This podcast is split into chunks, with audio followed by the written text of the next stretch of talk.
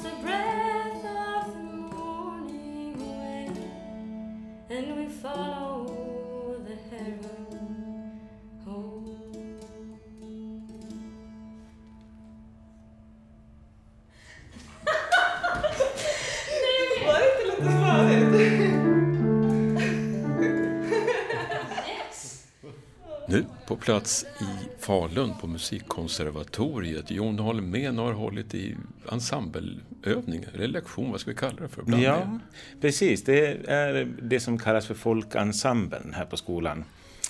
Och den innehåller eh, både folkmusikelever men även andra elever som är intresserade av folkmusik och spelar det tillsammans. Då. Det verkar som att man går på flera linjer samtidigt här. Ja. Några.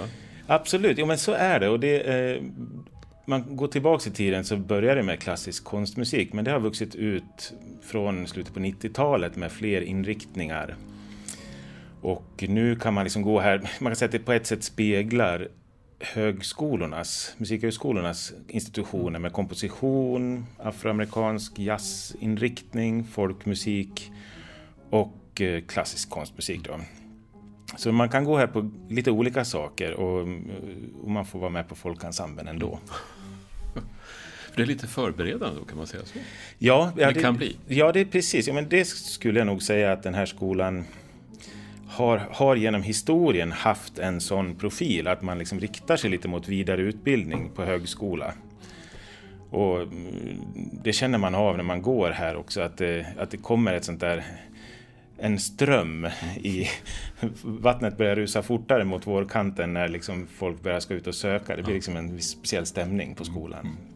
Allting ska bli klart och man ska hinna. Ja, ja precis. Hur många lärare är ni här då? Ja, det är ju många lärare på mm. hela skolan förstås. Ja. Och, och liksom både, det är ju ett gymnasium i botten. Så att det är ju både svenska lärare, engelska lärare, man har gymnastik och så. Och så har man alla musiklärare som kan undervisa i teori eller instrumentundervisning, enskild lektion eller ensembleundervisning. Så det är ganska många som är inblandade i skolan. Jag tycker jag skulle med namn med konservatorium. Det har vi inte många i Sverige annars. Nej, precis. Jag, jag, jag, måste säga att jag vet inte ens om den, hur det namnet pratar med sådana ställen i andra länder. alltså när man säger ett konservatorie mm. på ett annat ställe så kanske det inte är samma sak som den här skolan. Den hette ju Landstingets högre musikskola, tror jag från början. Eh, så, har, någonstans har musikkonservatoriet kommit till på vägen, om jag, mm. om jag fattat mm. rätt. Mm. Vilka som söker sig hit? Då? Ja, nu är det ju, man kan säga, från början var det ett gymnasium. Eh, och då gick man de, sina gymnasieår här och, och liksom bollade de här två liksom grund, ut, alltså gymnasieutbildning men med superinriktad musikundervisning också.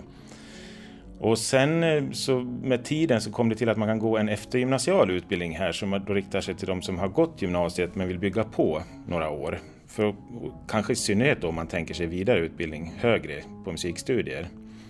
Men det är ju liksom gymnasieelever från hela landet kan man säga.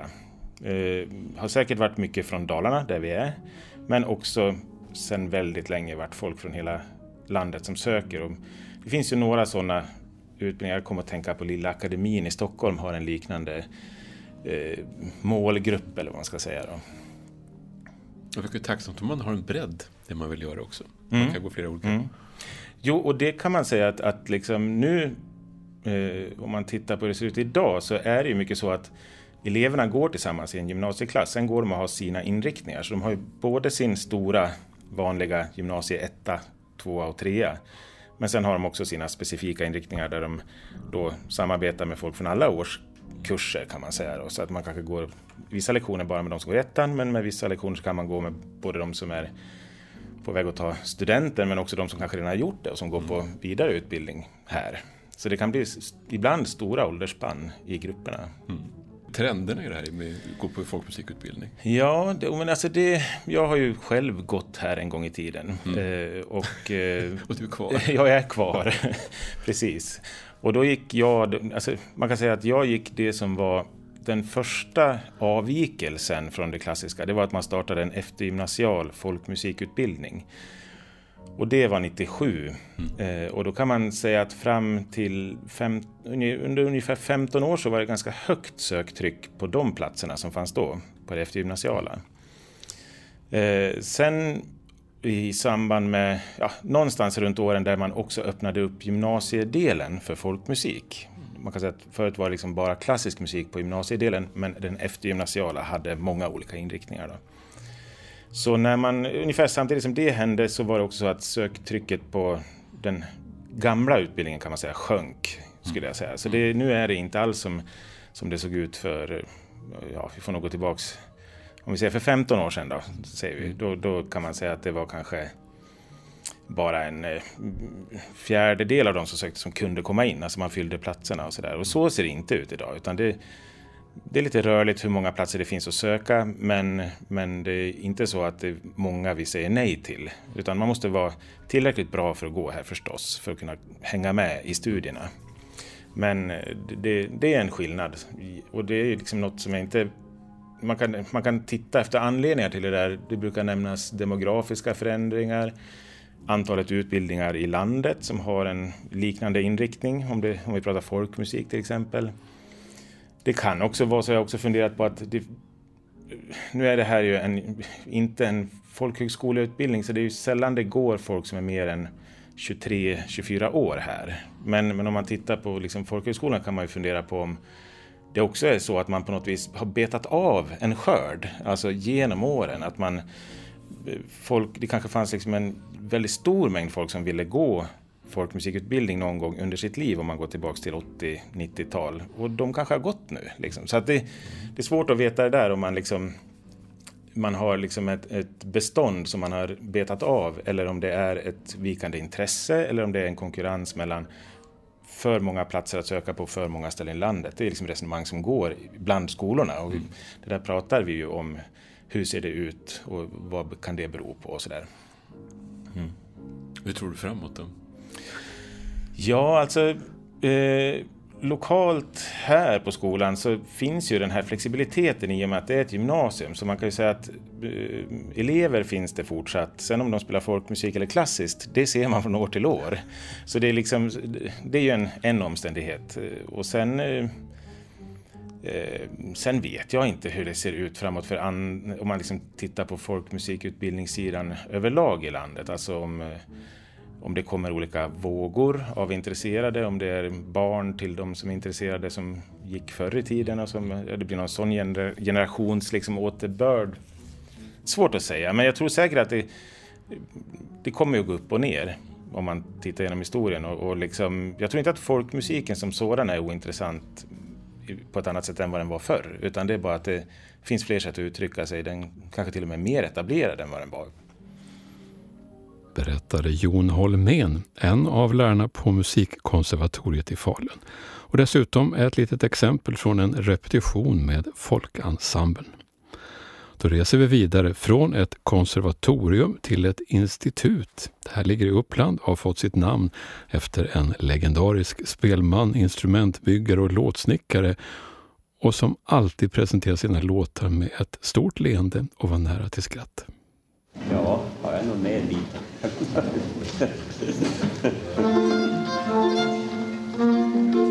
jag tror att vi tar Trollrikan. Trollrikspolska.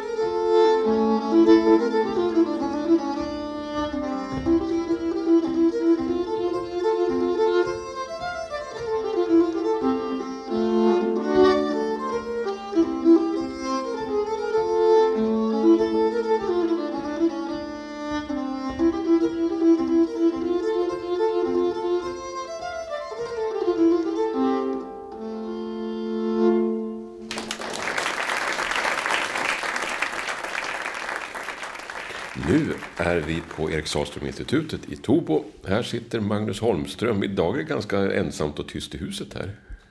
Ja, nu just, just idag så är det ganska lugnt. För annars har ju ni då sedan mer än 20 år haft utbildningar, mycket kring nyckelharpa förstås. Ja, det började, det började 98 med de första. Då var det på en termin. Med på nyckelharpa.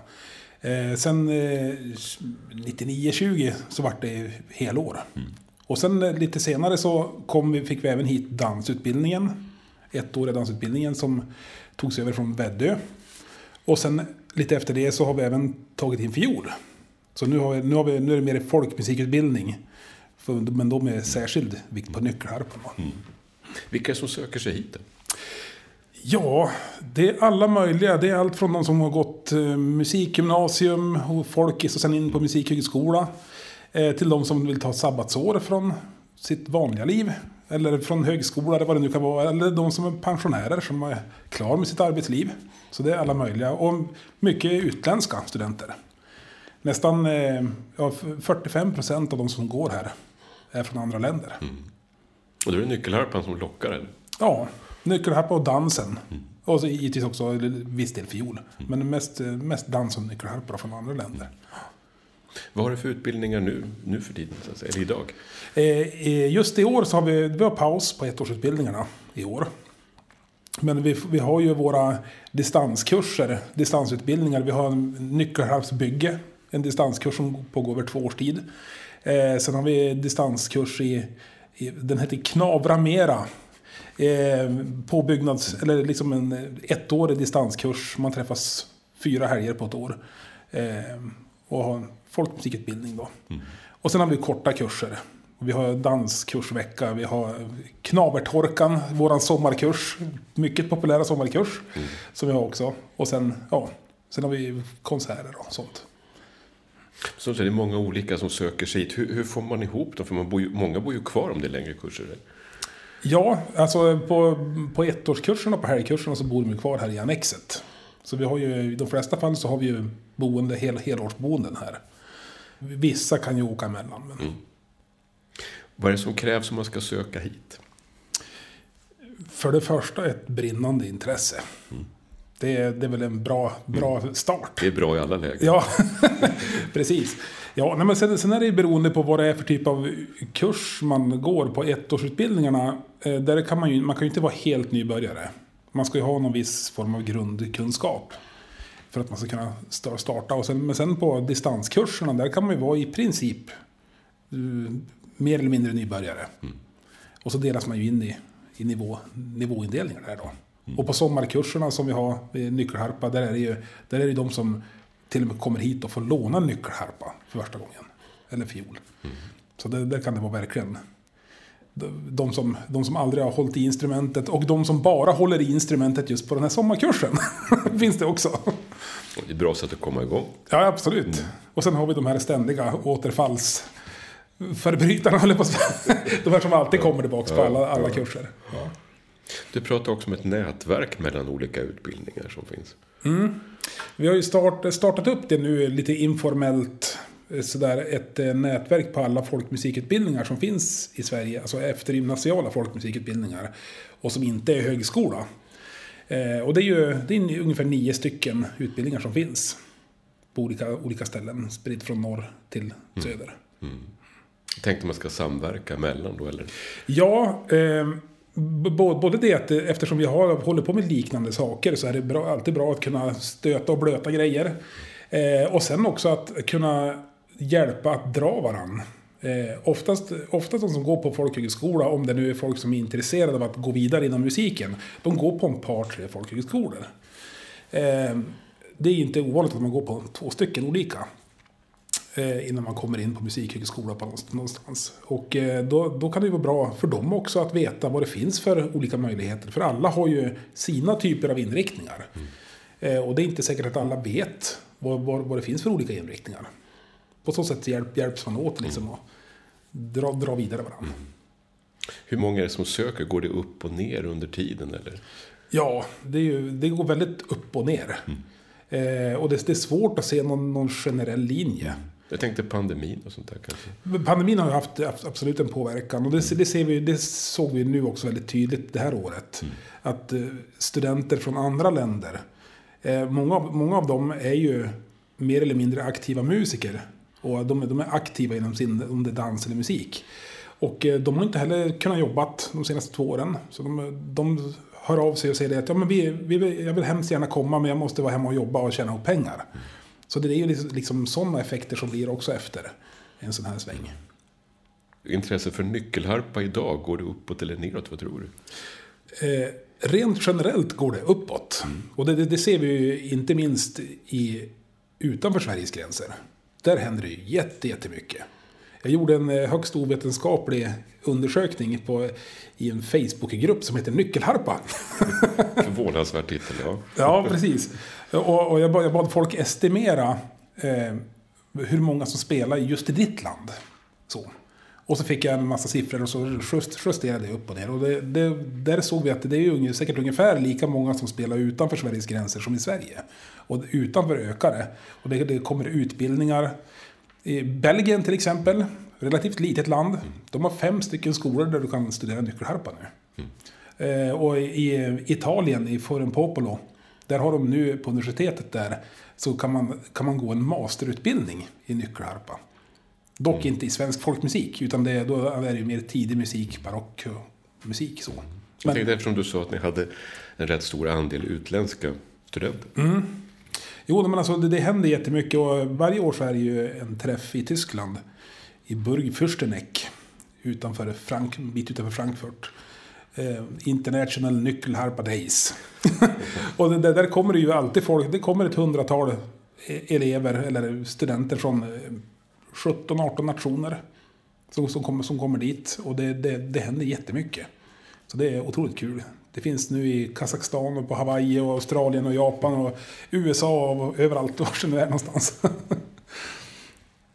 Det var Magnus Holmström som berättade om utbildningarna på Erik Sahlström-institutet i Tobo i Uppland. Och före det hörde du förstås Erik Sahlström själv som spelar sin egen Trollrike polska i en inspelning från 1977 så tar vi oss vidare upp till Västerdalarna och Malungs folkhögskola. Där har ju många namnkunniga lärare arbetat och arbetar fortfarande förstås. Jag träffar bland dem Ann-Sofie Nilsson som är lärare i sång och Adrian Jones som är lärare i fiol. Och hur länge har de varit här då? Ja, jag är väl yngst här då. Eh, jag gör mitt fjärde år. Mm. Så.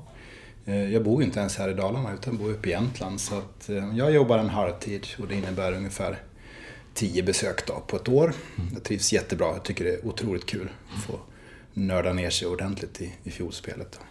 Ann-Sofie, du har varit här länge låter det som. Du. Eh, jag har varit här sedan 2015. I alla fall an, mm. anställd sedan 2015.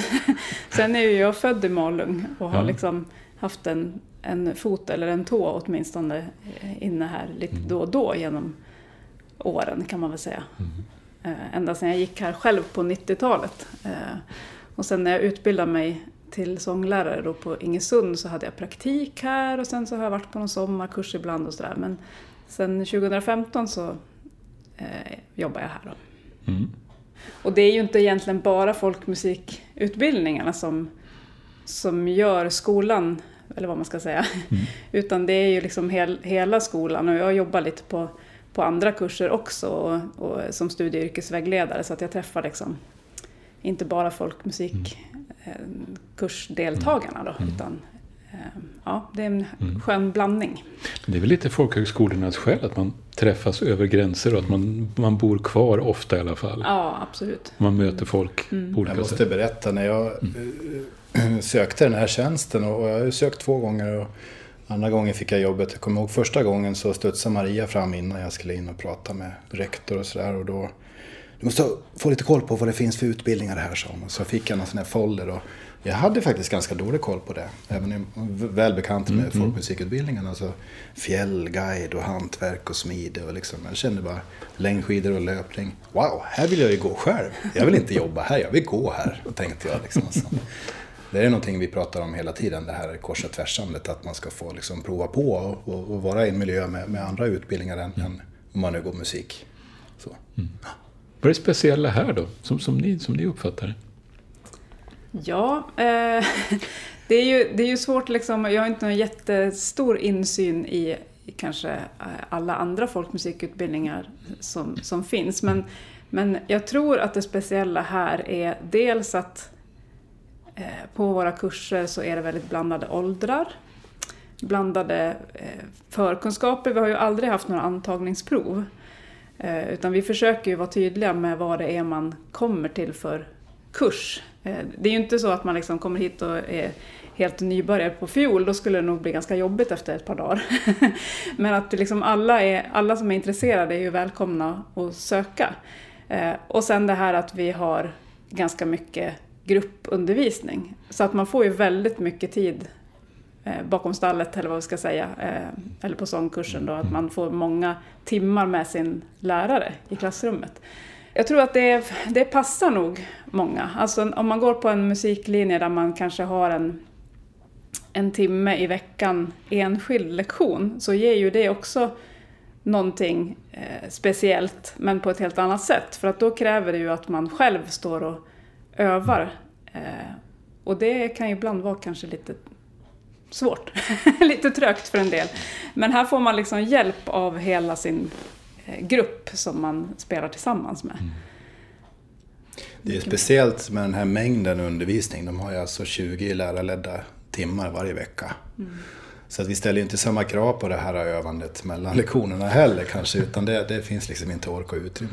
Men en, annan, en annan grej som jag vill trycka på är ju det här smalheten som vi har. Det är en ganska smal utbildning eh, på så sätt att vi, vi har kurserna folkmusik på fiol, folklig vissång eller folklig dans.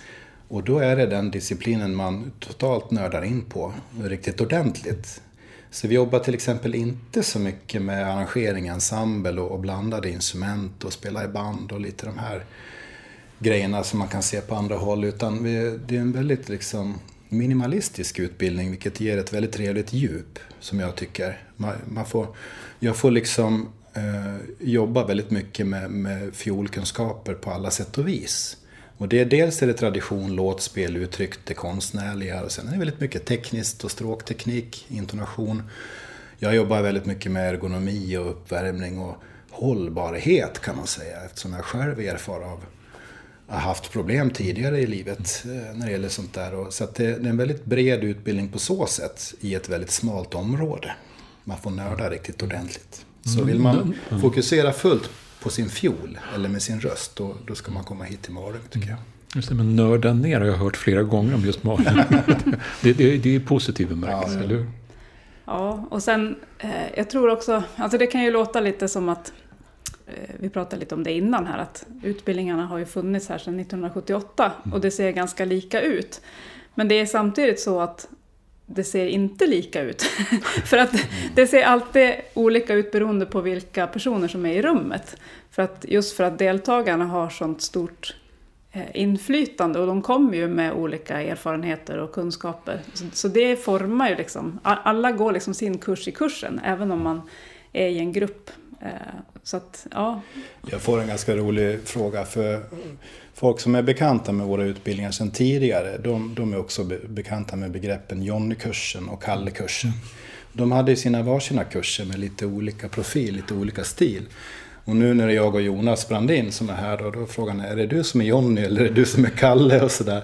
Och, och, där är också väldigt annorlunda, för att nu har vi terminskurs, hösttermin eller vårtermin. De här kan man kombinera i vilken ordning man vill. Eh, och sen har vi, när vi huvudlärare inte är på plats, så har vi gästlärare. Så att vi tar hit flera olika profiler från hela landet. Så att de får inspiration från olika håll. Så att upplägget är annorlunda än på Jonny och Kalles tid också. Vilka är det som söker sig hit då?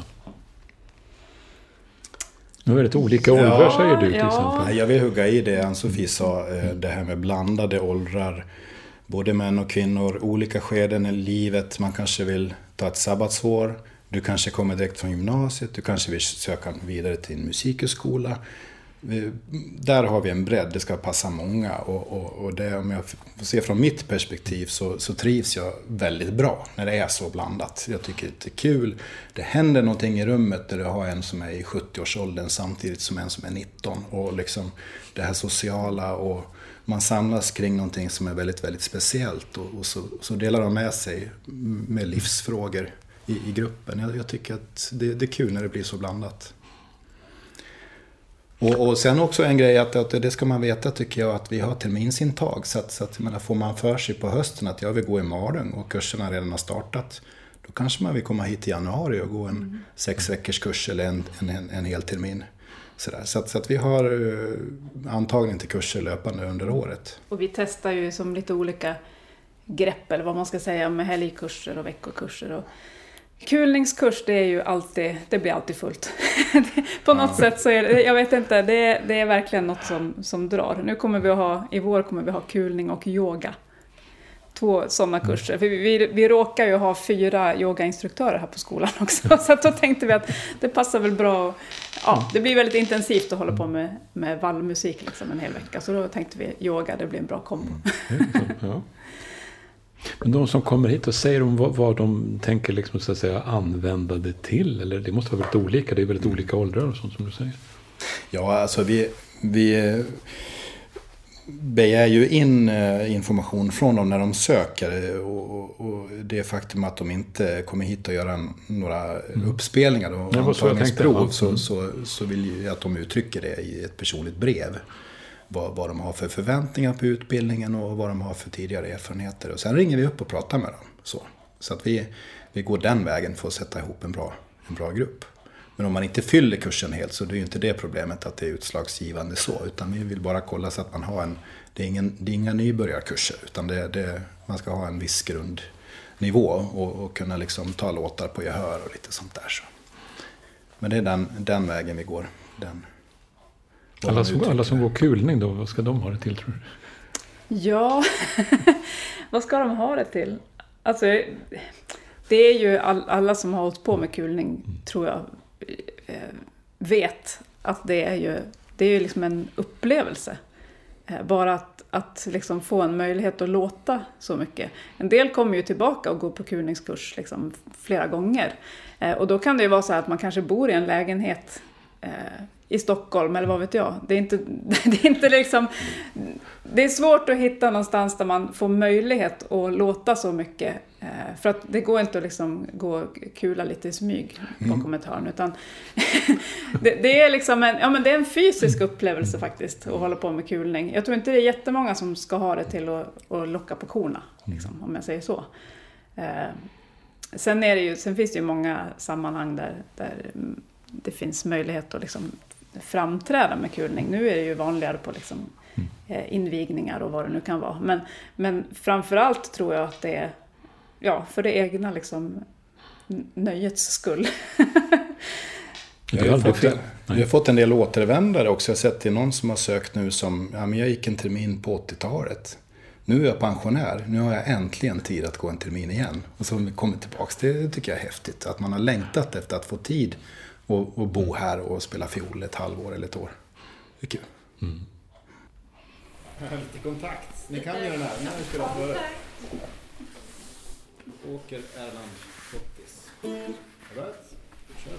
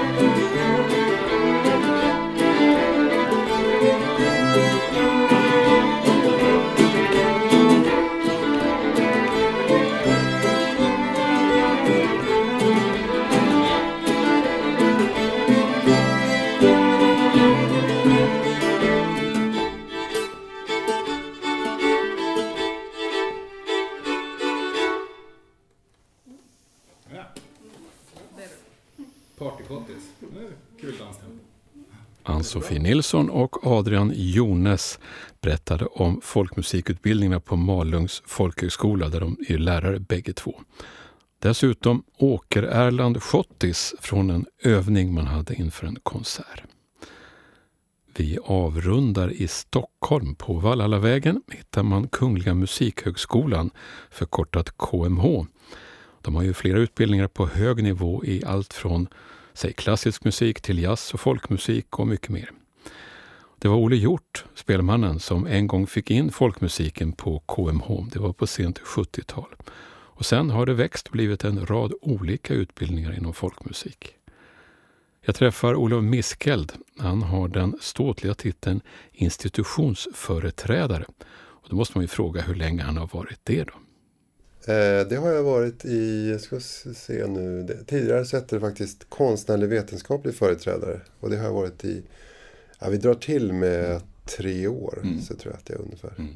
Nära sanningen. Mm. mm. Och nu har vi träffats här i ett relativt nybyggt, väldigt stiligt och stort hus. Jag minns, jag var här en gång på 80-tal och träffade Olle Hjort och då var det liksom lite mindre mm. lokaler, lite mera källare och sånt där. Det har hänt jättemycket så det är ändå det är 40 år sedan. Så det har funnits rätt länge en utbildning. Absolut, ja precis. Ja, eh, det har hänt mycket sedan Ole. Mm. Det var ju först Ole som drog igång med, med de här um, pedagogutbildningarna för spelmän då. Som, som i 70, ska jag inte svära på att jag säger men 78 mm, det är sent, sent 70-tal kan vi säga. Ja, precis, ja. Eh, och sen så småningom så blev det så att man kunde gå individuell studiegång som musiker på KMH. Det var väl, då någonstans på 80-talet. Och eh, sen från och med 90, 1994 så blev det en egen institution för folkmusik på mm. Kungliga Musikhögskolan. Och då drog det också igång eh, kandidatutbildning, eh, eller musikerutbildning som sen blev kandidatutbildning och så småningom också masterutbildning då i mm. folkmusik. Och jag tillhörde då den andra kullen, för jag började 1995. Så att jag har varit här i, i huset i princip sedan dess. Mm. ja. Och sen har ni, idag har ni många, ni har också enskilda kurser på alla, väldigt många olika ämnen. Ja, precis. Förutom våra, våra eh, program, då, musikerprogram, treåriga kandidat, tvåårig master, så har vi också en massa fristående kurser. Eh, I kulning, folksångensemble, låtspel eh, och med mera mm. som också får, som, som vi ger då för allmänheten kan man säga. Då har det verkligen hänt mycket under mm. de här årtiondena som har gått. Vad är, det, vad är det som styr det då? Är det en efterfrågan på eller vad ni som lärare vill ha för kurs? Eller? Man kan säga att det har ju lett till en väldig utveckling av hela folkmusik. Eh, det har påverkat otroligt mycket folkmusikvärlden genom att det har funnits den här utbildningen. Och så att, inte minst så ser man ju det på alla de förutbildningar som har dragits, som har skapats genom att studenter har kommit ut från skolan och satt igång olika verksamheter runt omkring i landet. Så att jag tror att det är en ganska så exponentiell tillväxt faktiskt på den mm. fronten. Mm. Så det styr mycket så att det gör att det finns också en efterfrågan. Och, och inom musiklivet så ser vi att, eh, att uh, alumner från våra utbildningar, tidigare studenter, är väldigt synliga i, liksom, i musiklivet och gör väldigt mycket saker som också syns liksom utanför folkmusikvärlden. Sådär, i, I det allmänna musiklivet. Så det har ju hänt.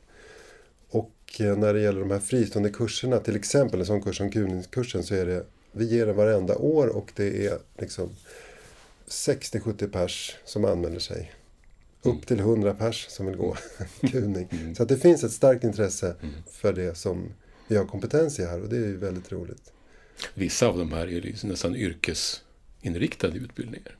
Absolut, ja men mm. det, är, det är yrkesut, eh, yrkesutbildningar. Mm. Eh, så att man blir ju då en, en eh, musiker som har verktyg för att kunna vara frilansare.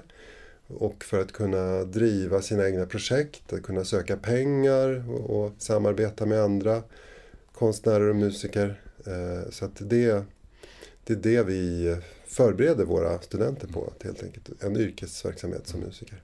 Och då kommer man in på det här vilka som söker sig hit. då, som du nämnde med förutbildningar och sånt. Är det, är det det som krävs för att komma in här egentligen? Att man har en sån grund? Vi har antagningsprov så att man kan komma egentligen man kan ha olika bakgrund. Man kan komma direkt från en miljö där man har spelat mycket lokalt. Eh, eller, men vi ser väl mer och mer att det har blivit en utveckling att eh, våra, de som söker hit har i allmänhet gått flera år på förutbildningar. Och det gäller ju för, för, även för våra systergenrer som jazz till exempel. Att, att det är väldigt hög nivå för att eh, när man har kommit så långt så att man söker till musikhögskolan så har man mm. hållit på ett tag. Mm. Mm. Du säger du har varit här och som elev då sedan 90-talet och sånt. Hur tycker du att det har förändrats under den här tiden?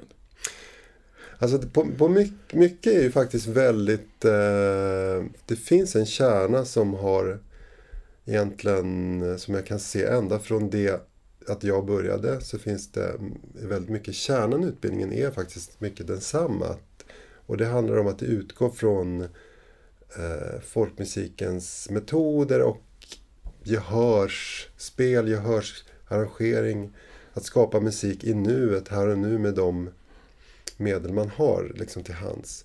Det är ett sånt där. Liksom, och det gör att ämnena är ju liksom anpassade till folkmusik. Så att det är folkmusikensemble, folkmusikarrangering, folkmusikteori. Och allt det där fanns ju redan när jag började. Och det har egentligen bara fortsatt och utvecklats. Ett annat spår som har funnits ända sedan början, det har varit faktiskt det här med musik och teknik. Att vi har använder oss av teknologi på olika sätt. med allt ifrån liksom program för att Eh, analysera musik, notera musik men också skapa musik med olika tekniska hjälpmedel. Så det där går lite hand i hand och det har fortsatt att gå hand i hand. Ett exempel på en sån här um, som har att göra med utvecklingen utveckling inom teknik och folkmusik är att vi har varit vi var med som domare för att bedöma en eh, AI-tävling i att generera polskor med, med AI. Så att det... Törs man fråga hur det gick? Ja, ja hur gick det? Det var, det? det var väl lite sådär. Det var väl liksom, vissa saker fungerade, andra saker var, fungerade inte så bra. Men just det där att kunna se musiken ur olika, eh, från olika sidor och, och, inte vara rädd för att eh, låta tekniken möta musiken. Det tror jag. Att, att vi, på något vis vi känner oss trygga att vi har en kärna i det här sättet att musicera och i det vi har med oss och bär vidare till generationer efter. Eh, men en, en sak som har utvecklats väldigt mycket är väl också att det har utvecklats nya kanske ensembleformer. En sån där grej är Como Folk som, vi har, som är liksom en stor ensemble för alla studenter. Som också, också en slags experimentverkstad för nya sätt att arrangera och att spela tillsammans. Det har utvecklats och, och Ytterligare en viktig sak, den kanske viktigaste saken är att sen början på 2000-talet så har vi utbildningar inte bara i svensk folkmusik utan också för eh, folkmusik från eh, icke-skandinavisk folkmusik eller utomeuropeisk konstmusik. För det finns ju Mm. Världen är stor. Världen är stor. Mm. Och är det så att man håller på med, med till exempel eh, kurdisk traditionell musik eller musik från Västafrika eller Sydamerika eller vad det nu är så kan man också gå en utbildning här. Då ska vi hitta lärare också. Då ska vi hitta lärare och då får vi försöka göra det. Men, men i den mån vi kan så, så kan man söka faktiskt på nästan vilken musik som helst och gå en utbildning här på folkmusik. Det kan bli en utmaning för er vad man kommer med för intresse då? Det kan bli en utmaning. Det gäller att man förstår liksom vad det är för typ av utbildning och vad vi... Vad, men men eh, det har visat sig, det har ju varit en otrolig eh, också tillgång och det har ju verkligen utvecklat vår, utbildning att vi har haft den här bredden på det sättet också. Mm. Och det här djupet inom olika traditioner. Inte minst om man kommer som svensk folkmusiker och får möta då traditionsbärare från, från en annan kultur som, som också då kanske har en, ja, en annan liksom förankring eller en annat musikerskap. Mm. Sen har ni samarbete med andra länder också. Det har vi. Mm. Vi har ju det inom, eh, det är ju en del av eh, högskolan att man ska ha en sån, eh, att man har utbyten och man har samarbeten. Så vi har faktiskt precis under våren här gjort en resa till Bretagne med hela institutionen. Med alla studenter och flera lärare. Och då har vi gjort ett projekt med en folkmusikutbildning i Rennes i Bretagne. Så att studenterna har spelat ihop och vi har haft eh, workshops och vi har diskuterat forskning och andra utbildningsfrågor tillsammans. För du är forskare själv? Det stämmer. Det stämmer. Vi har ju forskning här också. Vi har ju två professorer då, Sven Ahlbäck och Susanne Rosenberg som båda är disputerade inom folkmusik. Eh, konstnärligt, Susanne har, gjort, har ju gjort en konstnärlig doktorsavhandling om eh, folksång i nya sceniska kontexter och Sven har disputerat inom eh, kan man säga, musikvetenskap kring eh, eh, verk, eh, kan man säga, strukturer i musik. Kan man säga. Och jag håller på att doktorera själv faktiskt. Mm. Och då håller jag på med spel till dans i ett samarbete med KTH. Det låter som ett jätteämne. Ja, det är ett stort ämne.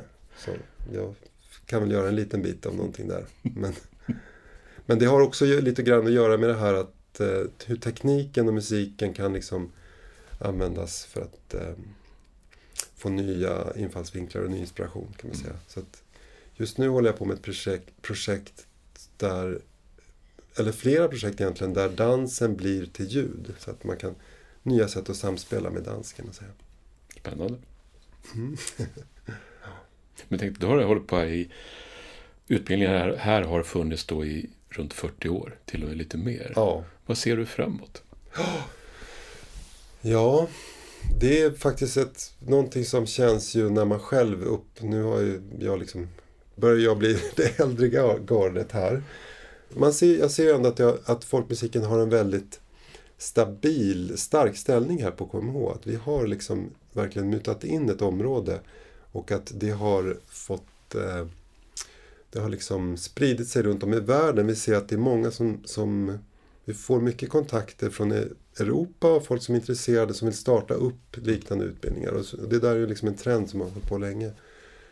Det här kommer fortsätta, det kommer fördjupas, vi kommer ha, utveckla nya samarbeten på olika plan. Och man ser också att studenterna, det går ju trender i musik och vad studenterna är intresserade av. Och det, har, det finns ett starkt liksom sug efter det här med det som finns, kvaliteterna som finns i musiken i, i det här gehörsmusicerandet, metoder för gehörsmusicerande och eh, det här med det som på något vis estetiken men också sättet att musicera som finns i folkmusik. Så att jag tror att det kommer, jag, det kommer att finnas kvar.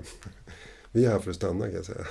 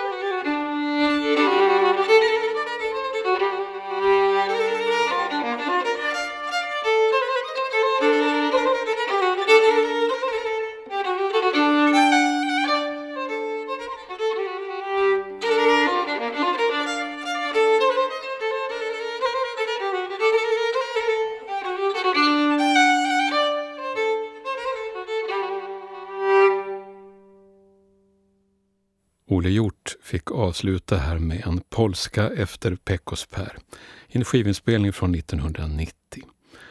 Och dessförinnan hörde vi Olof Miskeld berätta om utbildningarna vid Musikhögskolan i Stockholm. Så långt Spelmanspodden om ett urval av landets alla folkmusikutbildningar. Väl mött igen framöver.